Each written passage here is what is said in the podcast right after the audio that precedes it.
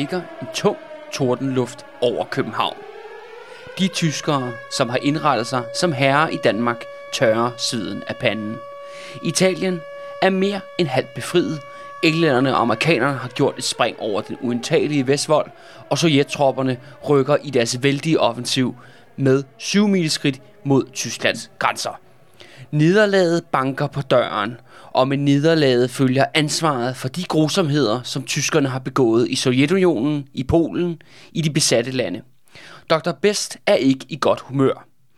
Fra Berlin kræver man leverancer og leverancer. Tysklands byer er bumpet sønder og sammen, og industriens produktivitet katastrofalt nedsat. Industrien i de besatte lande må arbejde under højtryk. Det gælder liv og død for naziførerne. Det gælder også liv og død for Dr. Best. Men der er sabotørerne. De er ikke til at udrydde, og de har den danske befolknings sympati. Best har prøvet med det gode og med det onde, og lige meget hjælper det. Han har fået tjenestevillige fagforeningsledere og politikere til at tale for manende ord, og han har betalt et kreatur som Krenschel i dyredomme for at frode i radioen. Han har afsagt i snesevis af dødsdomme. Han har organiseret bander, der myrder folk uden dødsdom. Han har oprettet Schalburg-korpset, der består af landets værste bærme. Tre fjerdedel af Dr. Bests danske legetropper er straffet. Nogle er udløbet for åndssvage anstalter. 20 knægte, alfonser, psykopater og sædelighedsforbrydere er blevet uniformeret og bevæbnet og sluppet løs på det danske folk. Det har ikke hjulpet det mindste. Sabotørerne arbejder stadig stødt. For kort tid siden ødelagde de maskinfabrikken Globus i Glostrup. I juni gik Bonsted Petersens fabrik i Nordhavn sig en tur.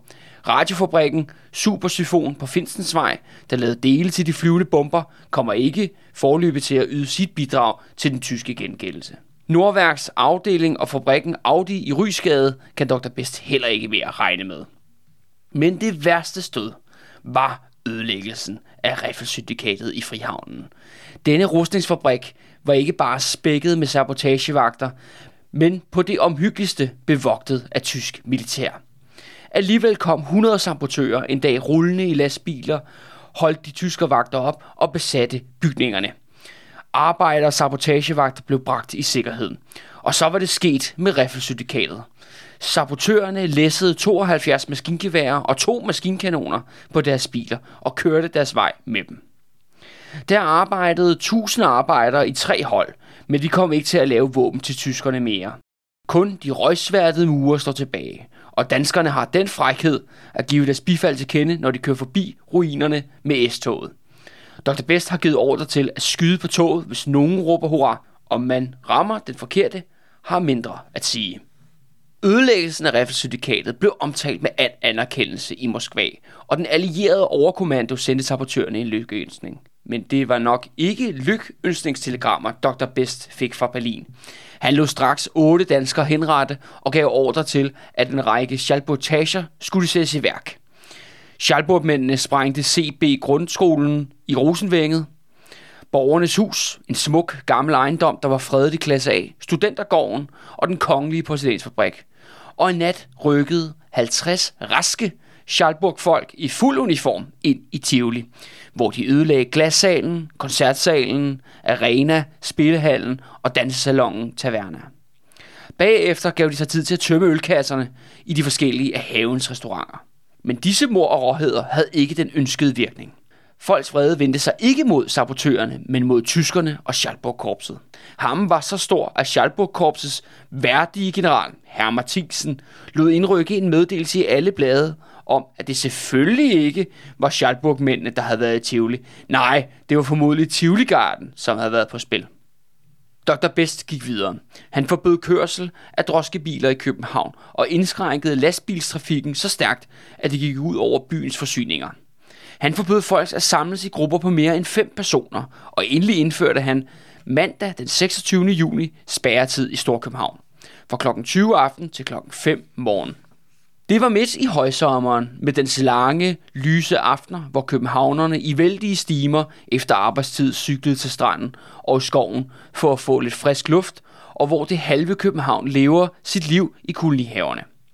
Nu bestemte den stormægtige tysker altså, at folk skulle mures inde i kvalme lejligheder fra klokken 20 som uartige børn, der er sat i skammekrogen. Men Dr. Best krævede så vidt, at bukserne revnede. Hos burgmeister Anvain holdte arbejderne møde. De blev enige om, at når man skulle lægges tidligt i seng om aftenen, var der ikke andet for, end at gå tidligere hjem fra arbejde. De skrev et høfligt brev til Dr. Best, hvor i de meldte ham, at så længe spærretiden varede, havde til hensigt at tage tidligt fri. Det måtte endelig ikke opfattes som strejke, for strejke var jo på det strengeste forbudt. Men så længe Tyskland var i krig, og der ikke kunne garanteres tilstrækkelig mad, var de nødt til at passe deres kolonihaver. Klokken 12 forlod arbejderne fabrikken. Det samme skete hos Vølund. Da spærretiden nærmede sig, døde livet ud i den indre by. Men på broerne og i forstederne ignorerede man Dr. Bess spærretid. Tyskerne sendte patruljer ud, som fyrede på folk uden at undersøge, om de måske havde passerkort. Det lykkedes hurtigt tyskerne at få stemningen på kogepunktet. Folk begyndte at spærre gaderne med barrikader eller tætte bål, så de tyske patruljer ikke kunne komme forbi. På få timer var det lykkedes tyskerne at få hele byen i oprør. Tyske patruljevogne drønede gennem gaderne og skød vildt om sig. I Istergade hejsede beboerne den røde fane på en barrikade og sang internationale. Og tyskerne rykkede frem i regulære skyttekæder. Mange steder blev der brændt bødler af Hitler eller ustoppede figurer, der forestillede den tyske fører. Danske og engelske flag og røde faner sås mange steder. I Ravnsgade-kvarteret strøg en flyver lavt hen over husene og beskød menneskemængden med maskingevær. Der blev kæmpet i Ynslærgade, Valdemarsgade, Saxogade. Ingen havde våben, men for vinduerne blev der slynget kasteskyts ned i hovedet på tyskerne. Overalt stod folk i klynger på gadehjørnen, så de kunne flygte ned af sidegaderne eller op i opgangene, når de tyske patruljer kom. I aftens løb blev syv mennesker dræbt af tyskerne, og cirka 50 blev indlagt på hospitalerne. Næste dag udsendte Kommunistisk Parti et opråb til københavnske arbejdere og borgere. Her advarer man mod spredt og tilfældige gadeaktioner og opfordrer til at stanse arbejdet i alle virksomheder kl. 12 hver dag, til undtagelsestilstanden blev hævet. Den sidste parole blev fuldt. I de følgende dage bredte gå tidligt hjem bevægelsen sig til alle større københavnske virksomheder. Allerede tirsdag gik havnearbejderne hjem til middag, og kl. 12 blev arbejdet stanset i General Motors, Atlas, Titan, FL Smith, Statsbanernes centralværksted, brødfabrikkerne, på flyvepladserne og alle de mange arbejdspladser, hvor der opførtes tilflugtsrum. En række mindre virksomheder fulgte eksemplet. Dr. Best svarede med at sende sine soldater ud i gaderne om aftenen og skyde løs. På hjørnet af Istegade og Saxogade tømte en patrulje maskinpistolerne ind i menneskemængden. En blev dræbt og syv såret. Det var før spærretidens indtræden. I Sundhedsgade dræbtes en mand. I Bakkesensgade nedlagde de tabre tyskere et helt selskab, der kom ud af en gadedør. Mellem de sårede var to kvinder. I Hedebygade blev to mennesker skudt ned. I Revalsgade blev en myrdet, og i Dronningens Tværgade en. Onsdag aften flammede hen ved Tusindbål i Københavns gader, fra det yderste Sundby til Vangede. På Frederiksborgvej var der kun 5 meter mellem bålene. På Gammel Kongevej hældte folk bensol i sporvejsskinnerne, og en ildslange løb gennem gaden. I Østrigsgade kom der til regulær gadekamp mellem tyske soldater og gadens beboere. Overalt var der mennesker. For alle kanter hørtes maskingeværs salver. Men tyskerne kunne ikke stille meget op mod de vældige menneskemasser. Om torsdagen bragte morgenaviserne meddelelsen om, at spærretiden var ændret fra kl. 20 til kl. 23. Dagen i forvejen havde Dr. Best henvendt sig til Udenrigsministeriet og spurgt, om man mente, at arbejderne ville arbejde den fulde arbejdstid, hvis spærretiden blev indskrænket. Det mente Udenrigsministeriet, men de københavnske arbejdere mente noget andet. Det gjorde ikke Københavns borgere mere forsonlige, at Bess samtidig gav meddelelse om, at han igen havde henrettet otte patrioter. En kvinde havde fået mand, søn og svigersøn myrdet af nazibødlerne.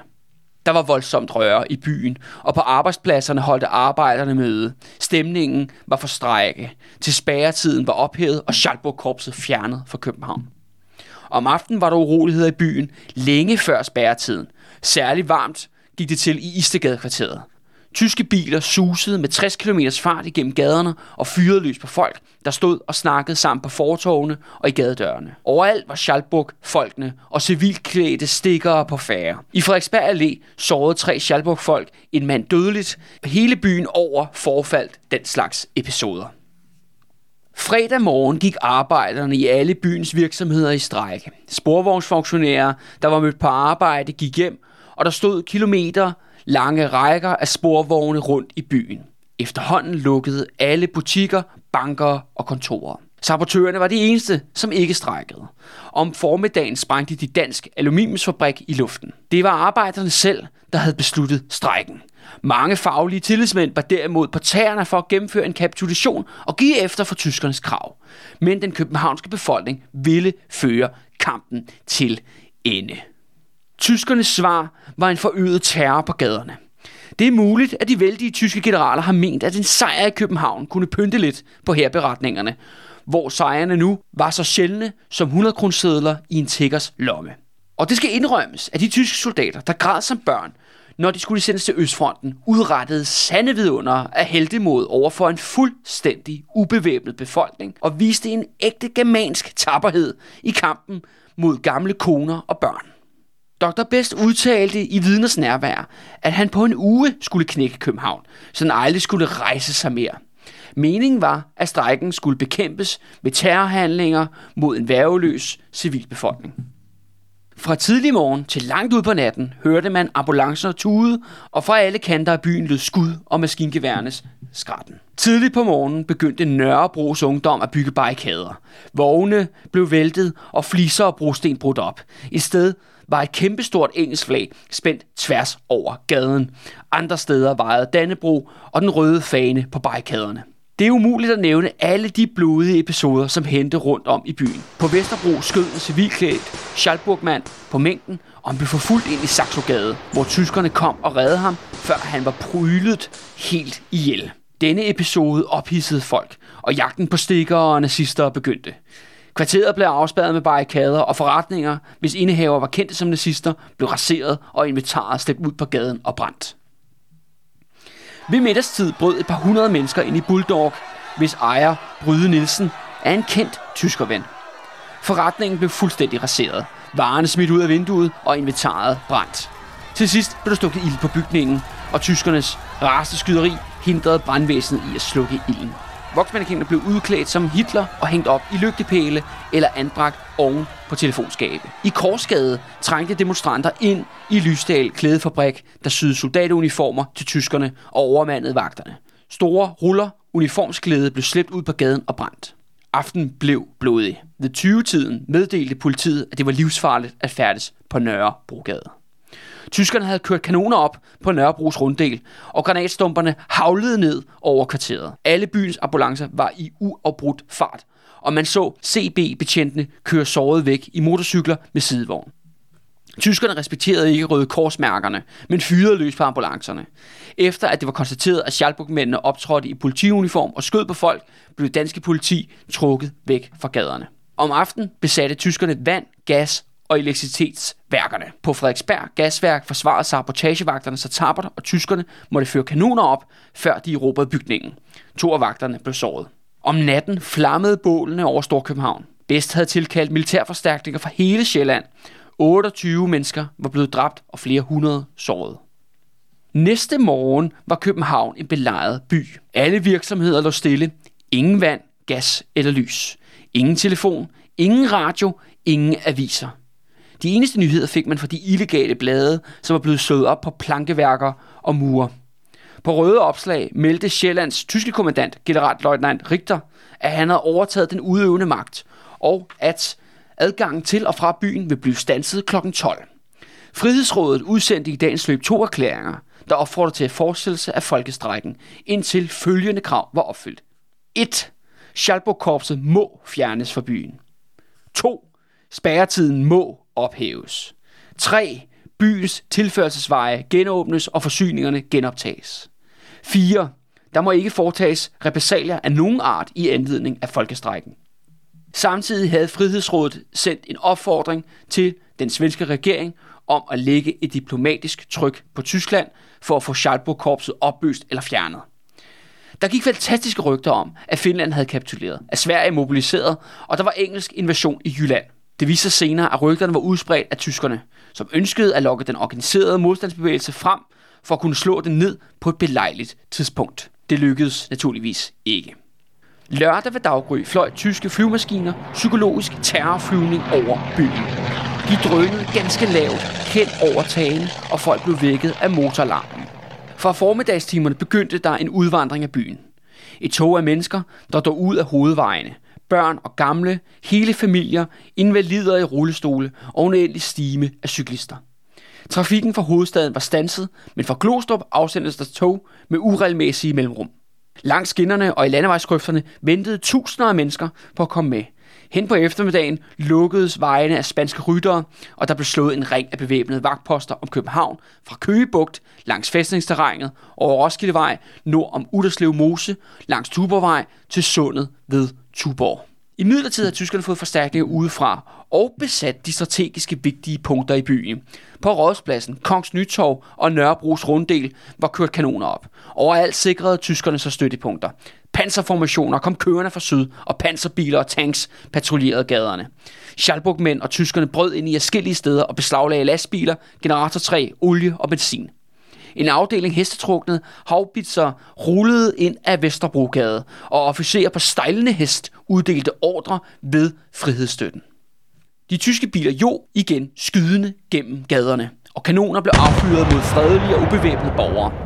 Ambulancerne kørte ustandsligt, og flere af byens gader lignede slagmarker.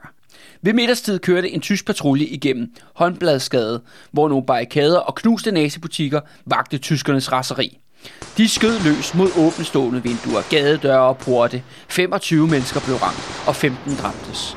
Omtrent ved samme tid tilkaldte tyskerne forstærkning fra Kastrup Lufthavn for at få splittet et opløb på Amagerbrogade, hvor der trods tyskernes beskydning fire gange var blevet tændt bål.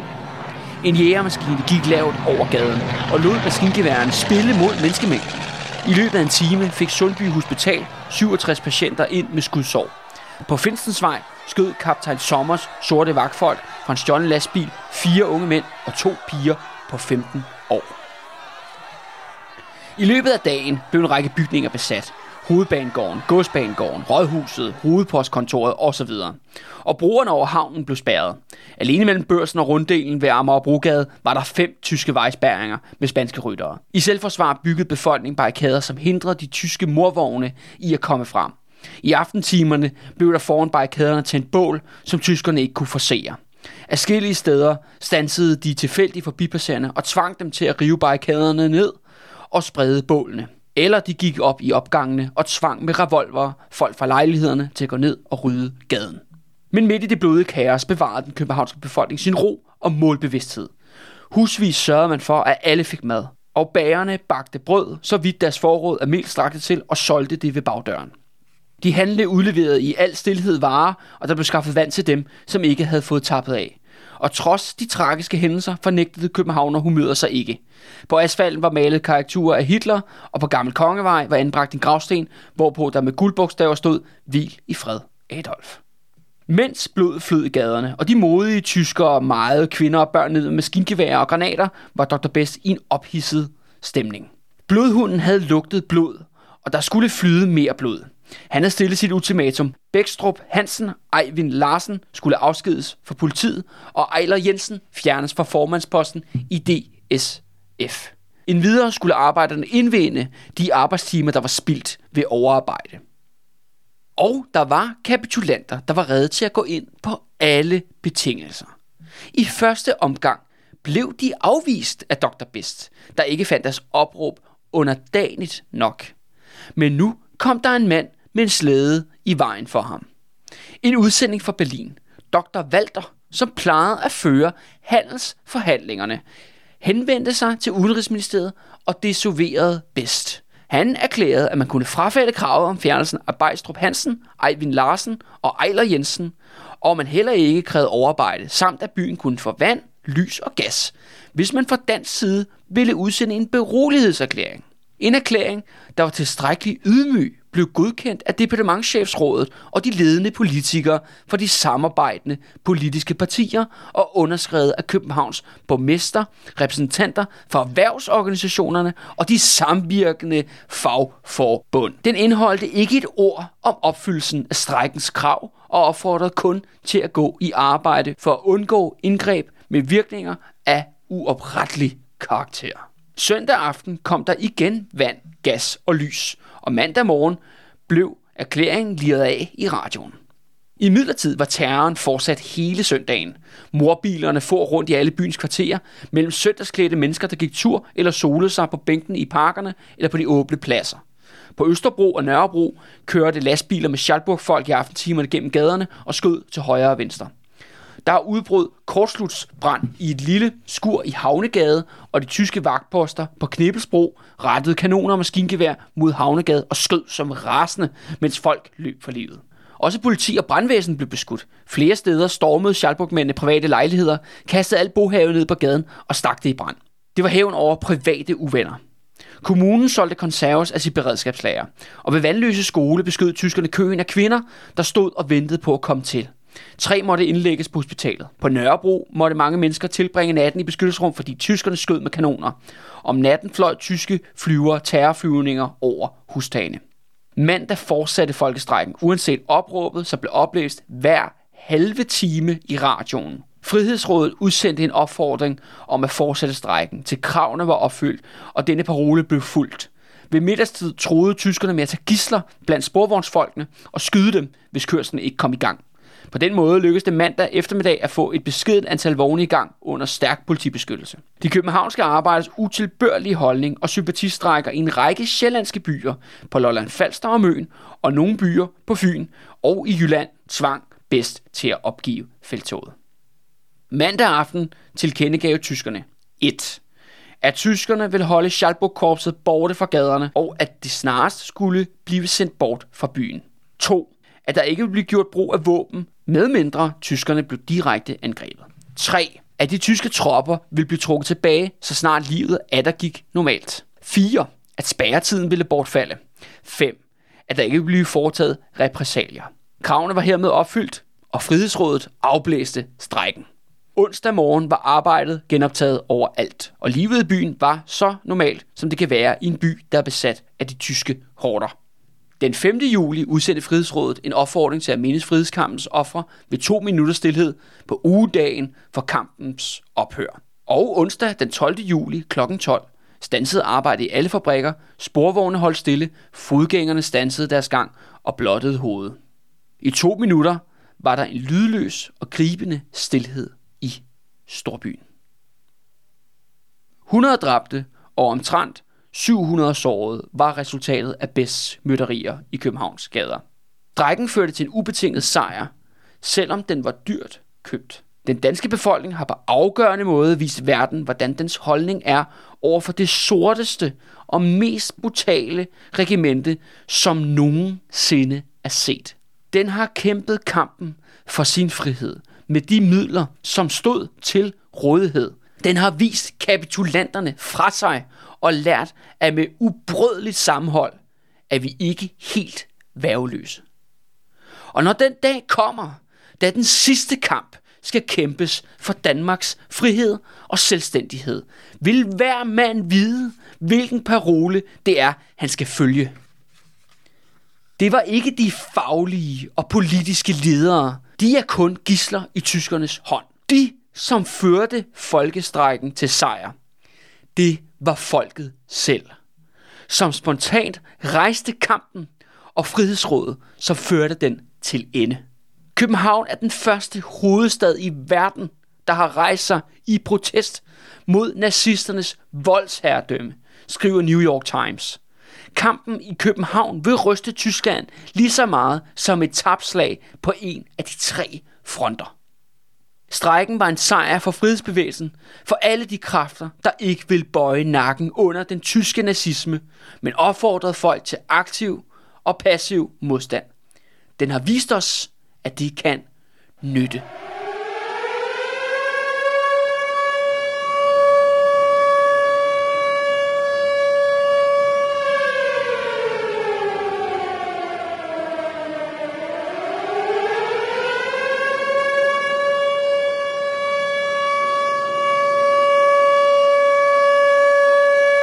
Således skrev Hans Kirk, forfatter og kommunist, i 1944 om folkestrækken, eller folkeopstanden, som den også var kendt som.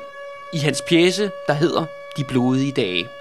Men pjæsen blev aldrig udgivet under krigen, eller før hans kirke stod i 1962. For kommunisterne og Frihedsrådet, de væltede aldrig Nazi-Tysklands danske lakajer. De gjorde det det stik modsatte. De gik med dem. Og så kunne man ikke have Kirks kraske pjæse ude i offentligheden. Mit navn er Kalle Kølmand, og du lytter til De Røde Fjers svære toer til vores serie om Augustoprøret i 1943. For efter oprøret kommer opstanden i København i sommeren 1944. Og endnu en gang vil kremen af den danske elite vælge side, og de vil vælge slagteren fra Paris, Dr. Werner Best, og det værste regime i verdenshistorien, det konspirationsteoretiske, sadistiske, psykopatiske, selvmorderiske Nazi-Tyskland i Hugo Boss uniformer. Endnu en gang vil politikere, journalister, embedsmænd, fagforeningsledere, politi og erhvervsledere vælge deres nazi-alliance med tyskerne imod resten af det danske folk. Men den her gang står de ikke over for danskerne i provinsen, som i 1943. Nej, nu er det københavnernes tur. I august 1943 væltede den danske provins samarbejdspolitikken. I juni 1944 vil den københavnske befolkning tvinge Nazi-Tyskland i knæ. Yeah.